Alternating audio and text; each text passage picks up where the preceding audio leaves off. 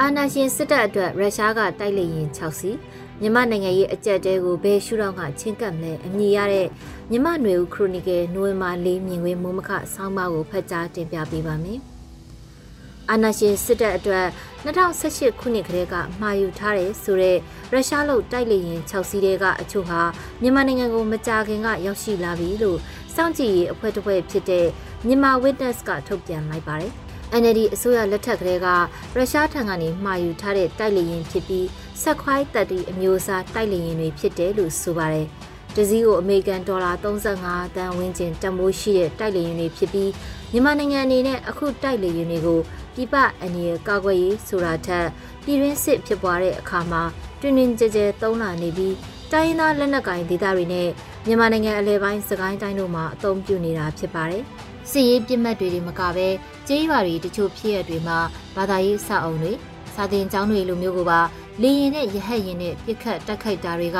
နေ့စဉ်အဖြစ်ပြက်တွေလိုဖြစ်လာနေတာဖြစ်ပါတယ်။အခုရောက်ရှိလာတဲ့တိုက်လေရင်တွေဟာနိုင်ငံကာကွယ်ရေးအတွက်အချုပ်အခြာအာဏာကာကွယ်ဖို့ထက်ပြည်ရင်းနိုင်ငံရေးသဘောထားကွဲလွဲမှုလက်နက်ကင်တိုက်ခိုက်မှုမှာမြေပြင်ကတိုက်ခိုက်နိုင်အားရော့ကျလာတာ ထိခိုက်ဒေဆုံးမှုများလာတာကိုအသာစီးရယူဖို့အတွက်စစ်ရဟတ်ရင်တိုက်လေရင်တွေကိုတုံးလာတဲ့သဘောဖြစ်ပါတယ်။အရင်အရင်ပြည်တွင်းစစ်တိုက်ပွဲတွေမှာလည်းလေကြောင်းကနေကူပစ်တာတွေတိုက်ခိုက်တာတွေရှိခဲ့တာဖြစ်ပေမဲ့အခုချိန်ကာလလောက်လေကြောင်းတိုက်ခိုက်မှုကိုနေ့စဉ်လှုပ်ဆောင်ခဲ့တာမျိုးမဟုတ်ပါဘူး။မူဝါဒဆိုင်ရာ lobby အဖွဲ့အစည်းတချို့နဲ့အရက်ဘတ်အဖွဲ့အစည်းအချို့ကမြန်မာနိုင်ငံစစ်ကောင်စီတပ်ကိုလေရင်စီမြောင်းချဖို့စီယုံနှုံဆော်မှုတွေလှုပ်ဆောင်နေကြပါတယ်။ ဒါပေမဲ့အရက်ဘတ်လေကြောင်းလိုင်းတွေကလည်းပြေးဆွဲနေတဲ့မြန်မာနိုင်ငံကိုလေရင်စီတွေလုံးဝပိတ်ဆို့ဖို့ကအခက်ခဲနိုင်ပြီးအရက်ဘတ်လေရင်တွေအတွက်လေရင်စီဝယ်ယူမှုတွေကနေတော့လကားရုရှားကနေလောင်စာစီစတင်တင်သွင်းနေပြီဖြစ်တဲ့လမ်းကြောင်းကနေတော့လကားစစ်ကောင်စီအနေနဲ့ရယူနိုင်တဲ့အနေအထားရှိနေတာမို့ပိတ်ဆို့မှုအောင်မြင်ဖို့ကတော့အခက်အခဲတွေရှိနေအောင်မှာဖြစ်ပါတယ်။ ရုရှားနဲ့စစ်ပစ္စည်းရောင်းချပေးခြင်းဟာစစ်ကောင်စီအဖို့ပြည်ရင်းစစ်မှာလက်နက်ဝယ်ယူဖို့အခက်အခဲတွေမရှိဘဲတိုင်းရင်းသားလက်နက်ကိုင်အဖွဲ့တွေနဲ့ PDF တပ်ဖွဲ့တွေကိုစစ်စင်တိုက်ခိုက်ဖို့အခြေအနေပေးတာလို့ဆိုရမှာပါ။ဒါပေမဲ့တည်ဆုံမှုတွေထိခိုက်မှုတွေများလာတာနဲ့အမျှ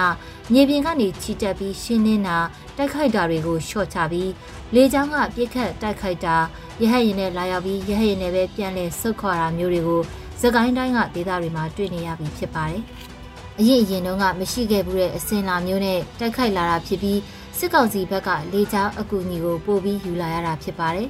။လေကြောင်းကတိုက်ခိုက်မှုတွေက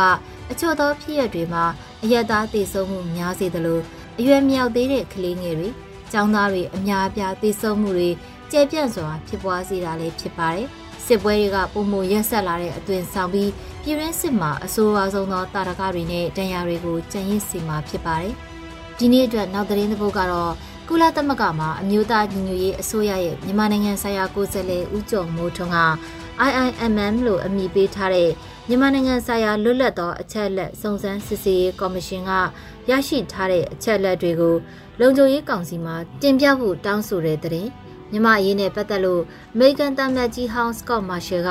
မြမအရေးကိုနိုင်ငံတကာကအခုထက်ပိုအရေးတယူဆောင်ရွက်ကြဖို့တိုက်တွန်းတဲ့သတင်းတွေဖြစ်ပါတယ်။ကုလသမဂ္ဂကဘလောက်ထိမြမနိုင်ငံရေးအကြက်အတဲမှာအပြေရှားဆောင်ရွက်နိုင်မလဲဆိုတာဖြစ်ရခက်ခဲတဲ့မိကွန်းတရက်ဖြစ်နေစေဖြစ်ပြီးမြန်မာနိုင်ငံစစ်အာဏာသိမ်းပြီးနောက်နှစ်နှစ်နီးပါးကြာလာတဲ့အချိန်အထိကုလသမဂ္ဂအနေနဲ့ လူသားချင်းစာနာမှုအကူအညီဆိုင်ရာအဖွဲ့အစည်းတစ်ခုထက်တာလွန်ပြီးဆောင်ရွက်နိုင်ခြင်းတာဝန်ပေးရထားခြင်းမရှိသေးတာတွေ့ရမှာပါနိုင်ငံရေးအကြက်တဲကိုအပြေရှာရေးမှာအာဆီယံရဲ့အခန်းကဏ္ဍကကုလသမဂ္ဂထက်ပိုပြီးအရေးပါတဲ့သဘောရှိနေပြီးအာဆီယံအနေနဲ့လည်း သဘောတူညီမှုမူ၅ချက်ကိုအကောင့်ထဲဖော်အောင်ထိရောက်တဲ့တွန်းအားမပေးနိုင်တဲ့အခြေအနေမျိုးမှာကုလသမဂ္ဂဟာစစ်ကောင်စီကိုတိတ်ခါချရုံသာတက်နိုင်ပြီးလူသားချင်းစာနာမှုအကူအညီတွေတောင်အရေးတကြီးလိုအပ်နေတဲ့ဒေသတွေမှာပေးဝေခွင့်မရှိတဲ့အနေအထားမျိုးလည်းဖြစ်ပါတယ်။ဒီအခြေအနေအခင်းကျင်းတွေကိုမြို့သားညီညွတ်ရေးအစိုးရအနေနဲ့ပြန်လည်သုံးသပ်ပြီးနိုင်ငံတကာတန်တမန်ရေးမဟာဗျူဟာအသစ်ကိုချမှတ်ဖို့လိုအပ်ကောင်းလိုအပ်မှာဖြစ်ပါတယ်။ ကုလသမဂ္ဂကမြမအရေးဝင်ဖြည့်ရှင်းပေးနိုင်မယ်ဆိုတဲ့အယူဆကိုဆွလွတ်ဖို့တင့်ပြီလို့လည်းထင်မြင်မိပါတယ်။